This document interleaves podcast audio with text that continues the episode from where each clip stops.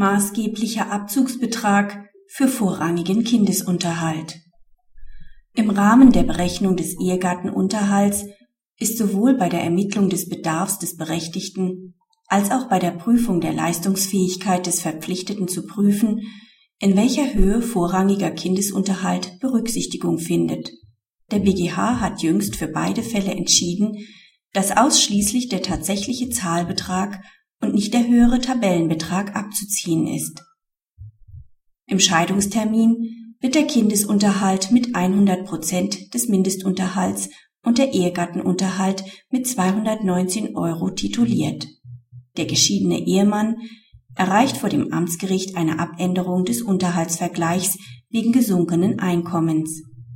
Die Frau legt hiergegen Berufung ein.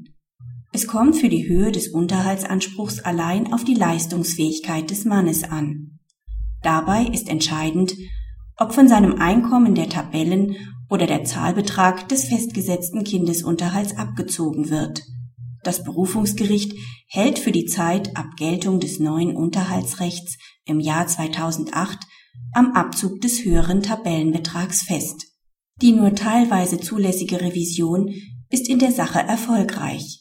Der BGH stützt den Abzug des sich nach der bedarfsdeckenden Berücksichtigung des hälftigen Kindergeldes ergebenen Zahlbetrags vor allem auf den Wortlaut des neuen Paragraphen 1612b Absatz 1 Satz 1 BGB und der dadurch verfolgten Absicht des Gesetzgebers.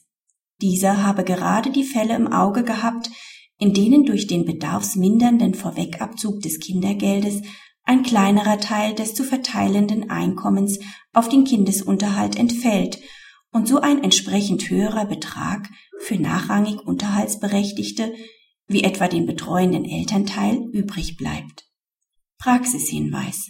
Der Unterhaltsanspruch des Kindes entsteht nach 1612b Absatz 1 Satz 1 BGB von vornherein nur in Höhe des Zahlbetrags.